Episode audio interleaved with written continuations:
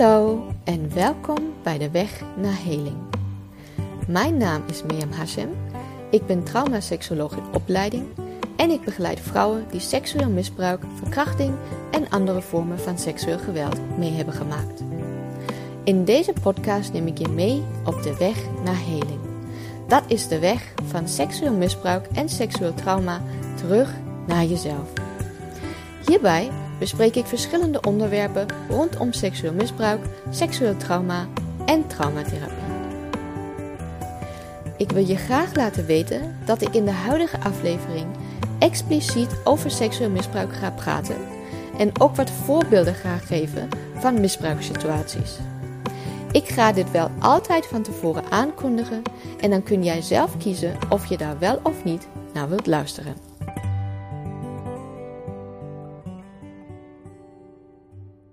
Vandaag wil ik graag met jullie praten over een onderwerp dat bij veel overlevers van seksueel misbruik speelt, ehm, maar waar ook veel verwarring omheen hangt. En mijn hoop voor deze aflevering is ehm, dat ik wat helderheid kan brengen in deze verwarring. En dat wij misschien samen een verschuiving kunnen maken van verwarring naar helderheid. Um, verwarring is een van de kernemoties van trauma.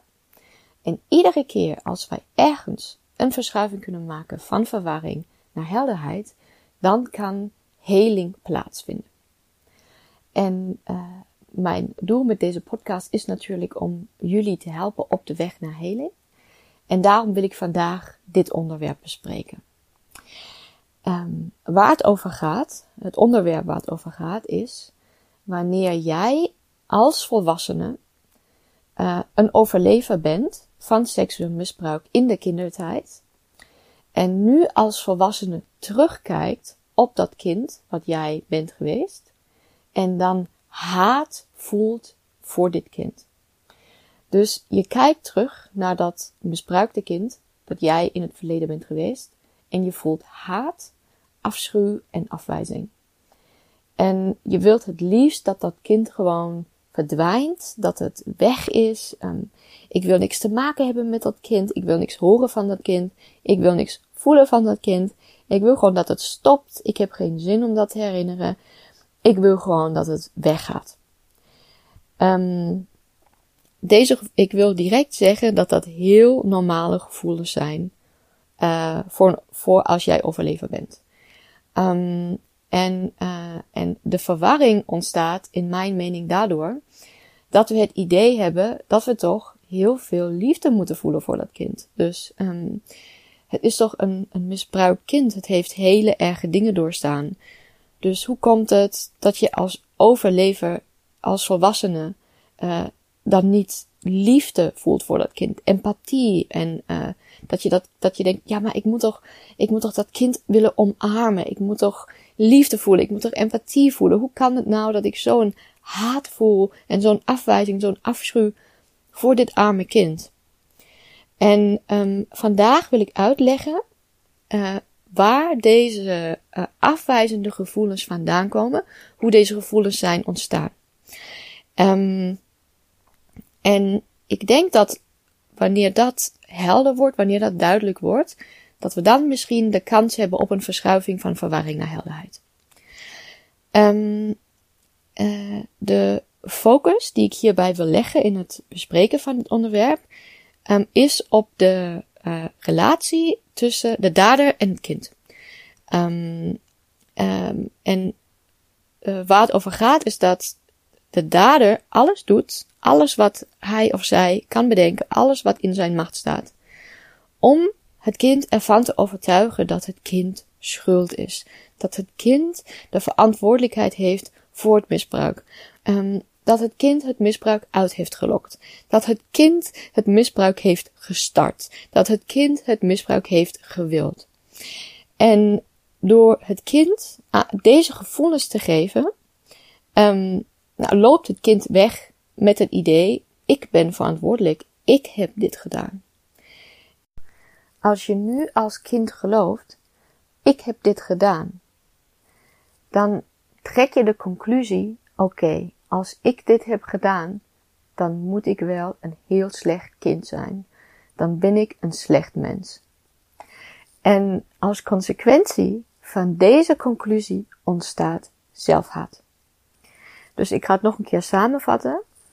Um, de dader geeft jou het idee dat jij schuld bent, dat jij verantwoordelijk bent voor het misbruik. En als consequentie daarvan krijg jij het idee, ik heb dit gedaan.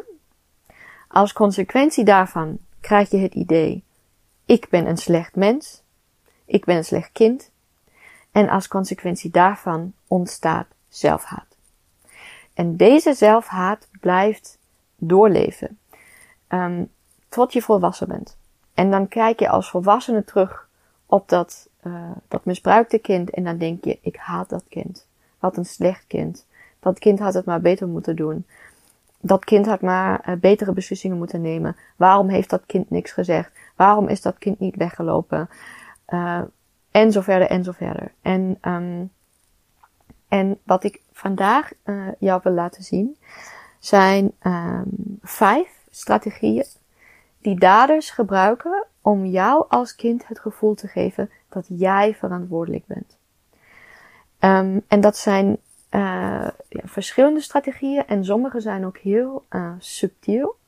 En mijn hoop is dat wanneer ik dat duidelijk maak, wat de dader, uh, wat daders doen en wat dus ook een dader misschien met jou heeft gedaan, um, dat je door die duidelijkheid misschien kunt zien dat jij het niet hebt gedaan.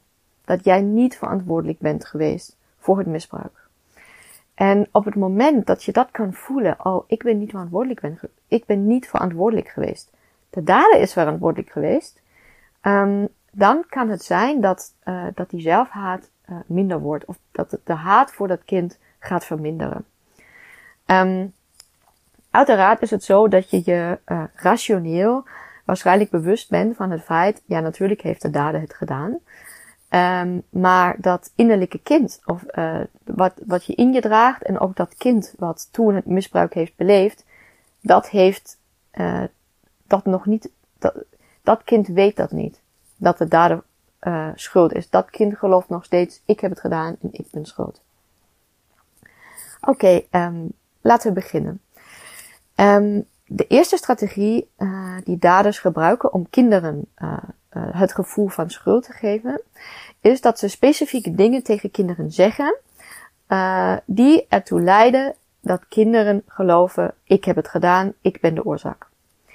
Um, en ik geef gewoon een paar voorbeelden van wat daders zeggen. Um, ik zal dat zo neutraal mogelijk doen, want ik wil nu niet dat jij door mij in je hoofd uh, de, de daderstem hoort of een herbeleving krijgt uh, van, de dader, van de daderstem. Um, dus ik ga proberen om dat heel neutraal gewoon, uh, op, gewoon te, te vernoemen. Dus voorbeelden van dingen die daders zeggen zijn. Je wilt dit, je hebt mij verleid. Um, dat is wat er gebeurt met kinderen die niet willen sporen. Ik doe dit voor jou, ik weet dat jij dit lekker vindt. Ik wil dat helemaal niet doen, maar jij hebt zo'n verleidelijk lichaam. Als je uit een religieuze context komt, heb je misschien ook gehoord, de duivel zit in jou en ik moet hem uitdrijven. Of dit is de straf voor je zondige lijf. Um, dus bij al deze uitspraken hoor je, jij bent schuld, jij bent de oorzaak, uh, jij hebt dat gedaan. En, en de dader zet zichzelf neer als slachtoffer van jou. Dus bijvoorbeeld, ik doe dit voor jou. Um, ik wil dat helemaal niet doen, maar jij hebt zo'n verleidelijk lichaam. Uh, jij hebt mij verleid. Uh, jij hebt uh, niet gespoord en daarom moest ik jou een les leren. Jij draagt de duivel in jou. jouw lijf is zondig en ik moet jou straffen. Ik heb geen andere keuze. Ik moet jou dat aandoen. Um, dus de dader neemt hier een slachtofferpositie in tegenover jou. En als de dader zichzelf neerzet als slachtoffer, dan moet jij wel de dader zijn. Dus jij moet wel schuldig zijn. Dat is de eerste strategie. De tweede strategie is dat de dader jou het gevoel geeft dat jullie het samen doen. En dan zegt hij bijvoorbeeld dingen als: Dit is ons geheim. Wij hebben iets heel speciaals samen. Dit is alleen van ons en niemand mag het weten. Um, in dat gevoel krijg je, uh, uh, als een dader dat doet, dan geeft hij jou het gevoel dat jullie een team zijn. En dat dit eigenlijk een beetje teamwerk is. Dat jullie dit samen doen. En, uh, en dat jullie bij elkaar horen. En het is jullie tegen de rest van de wereld en zo. Um, en daders die, die, die zo op die manier communiceren, die geven jou ook het gevoel dat je heel speciaal bent. Dat jij een heel bijzonder kind bent. En dat gevoel van heel bijzonder zijn en heel speciaal zijn en heel veel aandacht krijgen, dat kan een heel fijn gevoel zijn. En het is ja, super belangrijk om daar heel duidelijk over te zijn dat, um, dat daders echt dingen doen om jou als kind ook een goed gevoel over jezelf te geven soms. Dus uh, daders kunnen en heel uh, uh, kunnen, kunnen en communicatie inzetten om jou heel slecht te laten voelen over jezelf. Je bent een slecht kind, je bent een vies kind. Um, je, je, je sport niet, je moet gestraft worden. En aan de andere kant, je bent het meest bijzondere kind wat er is. Um, jij bent het centrum van mijn leven. ik hou van jou zoals ik nog nooit van iemand heb gehouden. Um, dus het is totaal mogelijk dat een dader allebei beide vormen van communicatie gebruikt of één van de twee vormen van communicatie. Uh, als jij overlever bent van seksueel misbruik, is de kans groot dat jij allebei de vormen van communicatie hebt beleefd. Um, nou, dat gevoel van dat je, dat je het samen doet, um, dat geeft dus weer jou, dus dat wordt weer bij jou het idee neergelegd dat jij de handelingsmacht hebt, dat jij de besluiten neemt, dat jij dit doet, dat jij verantwoordelijk bent, samen met de dader in dit geval. En als de dader ook nog ervoor zorgt dat jij je heel bijzonder voelt en speciaal en, uh, en, en goed voor, ook al is het maar voor één moment voordat het misbruik begint, um, uh, dan creëert dat nog meer het idee dat jij dat wilde en dat jij dat hebt gedaan. Ook al is dat echt een totale leugen. Het is echt een leugen die de dader jou aanpraat. Um, maar dat idee ontstaat alsnog. En als consequentie van dat idee krijg je weer het gevoel: ik heb dit gedaan, ik ben verantwoordelijk, ik ben een slecht kind en ik, uh, zo'n kind moet je toch wel haten. Um, dus ook dit, deze strategie van de dader zorgt ervoor dat je als volwassene terug kan kijken op het kind dat jij bent geweest en haat voelt voor dat kind. Um, een derde strategie die daders gebruiken is dat ze jou een illusie van keuze geven tijdens het misbruik.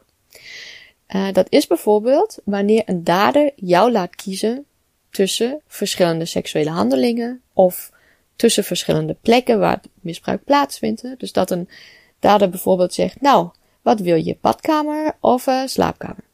Jouw bed of mijn bed? Um, uh, vaginaal of anaal? Dus dat een dader geeft jou opties en jij hebt natuurlijk, dat is geen echte keuze, want de keuze nee, ik wil helemaal niks, zit er helemaal niet in. Jij mag alleen kiezen tussen twee of meer uh, misbruikshandelingen. Maar daardoor dat jij, en als kind zal je een keuze maken. Um, uh, want jij zit in die misbruikssituatie met de dader. En de keuze gaat vaak uit naar hetgeen wat jou op dat moment minder pijn geeft. Dus het kan zijn dat, uh, dat uh, de dader uh, iets, iets bepaald met jou heeft gedaan. Bijvoorbeeld een vaginale verkrachting waar je nog heel veel pijn van hebt, heel veel wonden van hebt. En dan denkt, oké, dit is zo pijnlijk voor mij. Als ik nu de keuze krijg tussen va vaginaal en anaal, nou, dan neem ik vandaag maar liever anaal, want uh, daar heb ik nog even niet zoveel pijn. En dan, heeft, dan kan mijn vagina nog even een avond herstellen. Dat zijn de, de vreselijke, onmenselijke, echt, ja, uh, onuitspreekbare keuzes die een dader jou geeft. Um, maar bij jou als kind creëert het het gevoel dat je daarvoor hebt gekozen. Dus ik heb ervoor gekozen om samen naar de slaapkamer te gaan. Ik heb ervoor gekozen om, uh, voor, ik heb voor vaginale of anale seks uh, of verkrachting met de dader gekozen. Dat heb ik gezegd. Ik heb gezegd, doe dit. Of ja, slaapkamer. Um, en dan krijg je dus weer als kind het idee, ik heb dit gedaan. Ik heb hier gehandeld. Ik heb hier verantwoordelijkheid uh, uitgeoefend. En als consequentie krijg je dus ook weer het gevoel, wat ben ik een slecht kind dat ik hiervoor kies. En dan later als volwassene kijk je terug op dat kind en je haat dat kind dat gekozen heeft voor deze vreselijke dingen. En uh, ja, ik wil gewoon heel duidelijk benadrukken, het was geen keuze. Het was een illusie van keuze. Het was een, een manipulatie. Uh, uh, ja, um, dat was geen keuze die je had. Dat, dat wil ik heel, heel, heel duidelijk benadrukken. Dat waren geen keuzes, deze dingen. Het waren manipulaties. Het was misbruik. Um, dan uh, ga ik nu naar de vierde strategie. Um, dat is wanneer je als kind um, begint te calculeren wanneer het misbruik, de, de, de volgende misbruik zal komen en wat de consequenties zijn. Dus een voorbeeld kan zijn, um, je hebt um, een kind heeft op vrijdag een tentamen op school en wil dat tentamen goed doen. En zij weet, uh, laten we zeggen, dat kind wordt thuis door haar vader misbruikt. En zij zegt, oh, als mijn vader s'nachts op donderdagnacht bij mij langskomt op de kamer, dan kan ik dat tentamen niet doen. Dan ga ik zoveel pijn hebben, dan zoveel slaapgebrek, dan kan ik dat tentamen niet doen en ik wil dat tentamen goed doen.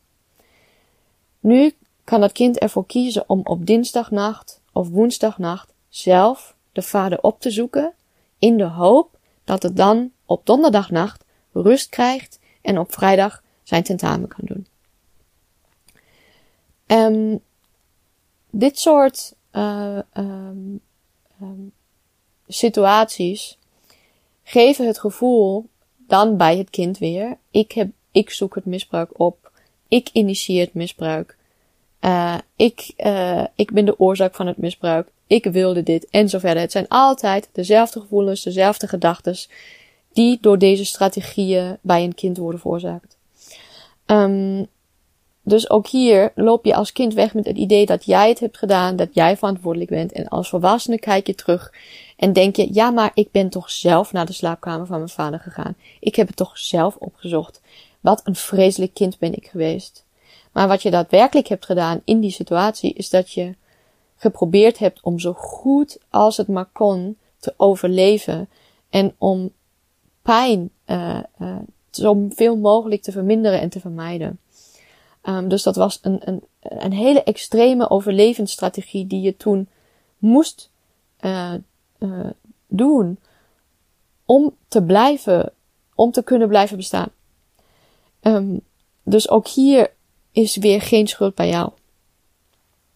Um, de vijfde strategie en de laatste strategie uh, die, ga, die ik ga omschrijven is wanneer een dader jou dwingt om naar het misbruik van een ander kind te kijken of zelfs een ander kind te misbruiken terwijl de dader kijkt of een kind samen met de dader te misbruiken.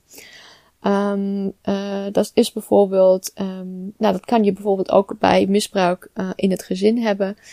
Uh, dat um, bijvoorbeeld een vader heeft twee dochters. hij zet beide dochters neer op het bed. En gaat een van de twee dochters verkrachten en de andere dochter moet kijken. Uh, of op een gegeven moment uh, ja, dwingt hij de andere dochter om mee te doen. En um, ook hier krijgt het kijkende kind het idee, uh, ik doe dit. dus um, of ik grijp niet in. Ik doe er niks om het te stoppen. Ik doe er niks om mijn zusje te redden. Om mijn vader tegen te houden. Dus kijk, wat ben ik voor een slecht mens dat ik dit niet heb gestopt. En dan heb ik ook nog meegedaan. Dus ik ben eigenlijk hetzelfde als mijn vader. Want ik heb samen met mijn vader, heb ik uh, mijn zusje deze vreselijke dingen aangedaan. Of mijn broertje. Kan natuurlijk ook met jongens zijn. Um, en um, En ook hier is weer een, een, een strategie om het kind tot dader te maken. Net zoals in de, in de eerste strategie, waar uh, de dader zichzelf als slachtoffer neerzet en, de, en het kind tot dader maakt. En ook hier is het weer zo dat het kind tot dader wordt gemaakt en zich daardoor weer verantwoordelijk voelt en schuldig voelt. Um, en daardoor kan je dus als volwassene het gevoel krijgen, kijk wat ik heb gedaan. Wat was ik een slecht kind en ik haat dit kind gewoon. Ik haat het kind wat deze dingen heeft gedaan. Nu ik deze vijf strategieën heb besproken, wil ik ook nog de vraag beantwoorden waarom daders dit doen. Dus waarom uh, maken daders zoveel moeite om kinderen het gevoel te geven dat het misbruik hun schuld is en dat zij verantwoordelijk zijn voor het misbruik. En het antwoord op deze vraag is het geheim. Het misbruik moet geheim blijven. Want als het geheim niet wordt bewaard, dan houdt het dubbele leven van de dader heel snel op. Uh, uh, een dader doet alles, alles, alles, alles om ervoor te zorgen dat het geheim bewaard wordt, dat het kind niet gaat praten, dat het kind uh, niemand in vertrouwen gaat nemen, dat niemand naar de politie gaat, dat niemand de dader onthult. Um, um, en dat hij gewoon door kan gaan met zijn dubbele leven.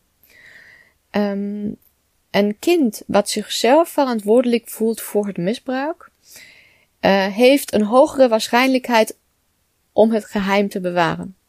Dus de kans is dan gewoon groter dat het kind niet gaat praten. En dat is waar het over gaat.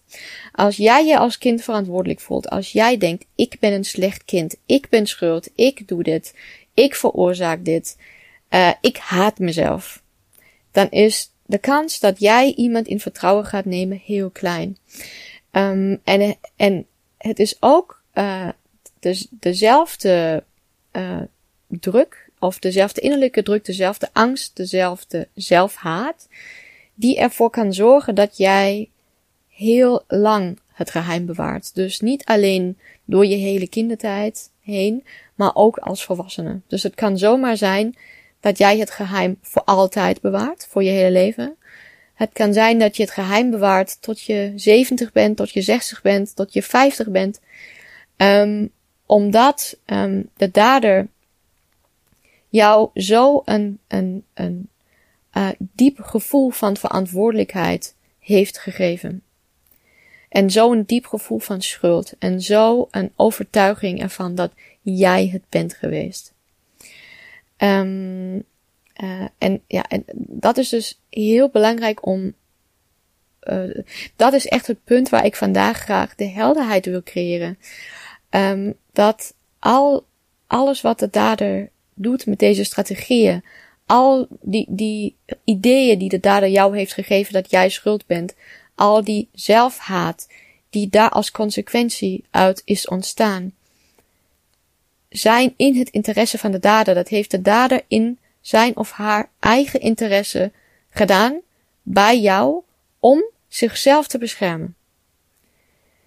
En uh, ik hoop um, dat, dat is mijn hoop voor vandaag, dat jij dat een beetje kunt zien.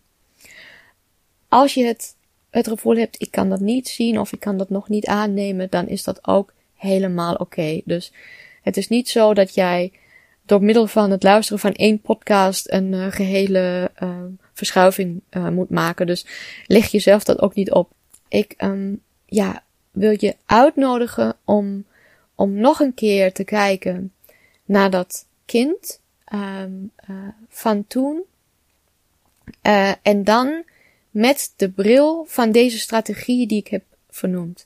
Dus je kijkt terug naar dat kind van toen en dan denk je, hey, en dan ga je even over nadenken, hey, wat heeft die dader eigenlijk tegen mij gezegd? Heeft hij wel eens gezegd, jij hebt mij verleid? Um, ik wil dat niet doen, maar jij lokt het bij mij uit. Heeft die dader misschien dat soort dingen tegen jou gezegd? Of je kijkt terug en, uh, en, je, en, en je gaat over nadenken, ja, heb ik, heeft, heeft de dader mij het gevoel gegeven dat we het samen hebben gedaan? Uh, en, en wat heeft de dader gezegd om mij dat gevoel te geven? Uh, heeft hij wel eens gezegd: Dit is ons geheim? Of jij bent heel speciaal voor mij? Of uh, dit is alleen van ons, niemand mag het weten. En dan kijk je terug en kijk je: Heb ik illusies van keuzes gehad? Heb ik illusionaire keuzes gehad? Heb ik dingen gehoord als: Of je mag kiezen jouw bed of mijn bed? Heb ik dat soort dingen gehoord? Um, en dan kan je nog terugkijken en bedenken: heb ik dingen gedaan om mezelf te beschermen?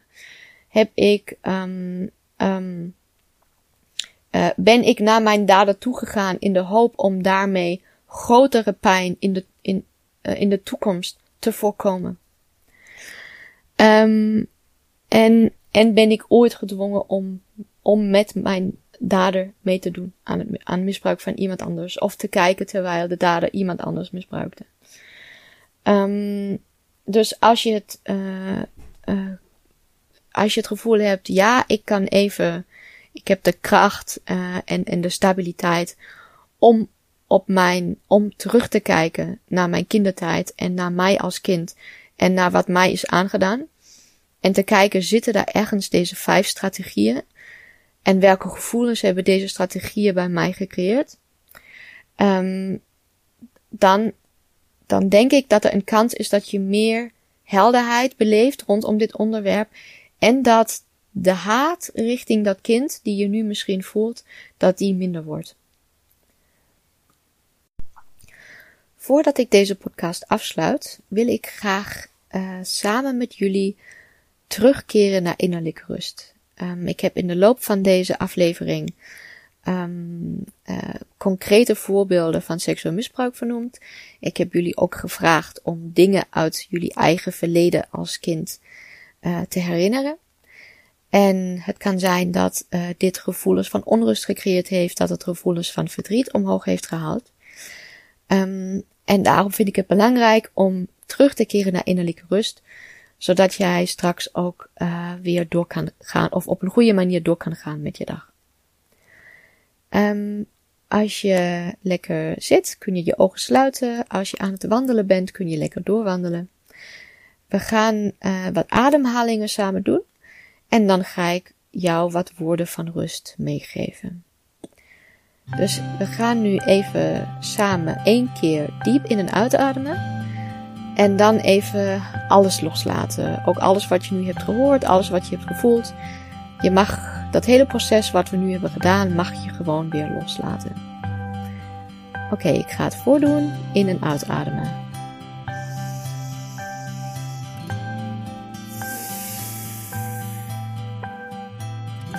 En laat het los.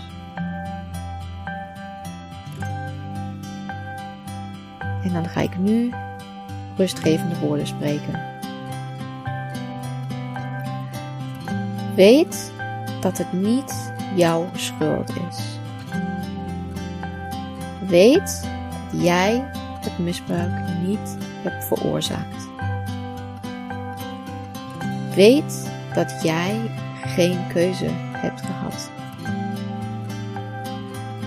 Weet dat jij geen slecht kind bent geweest.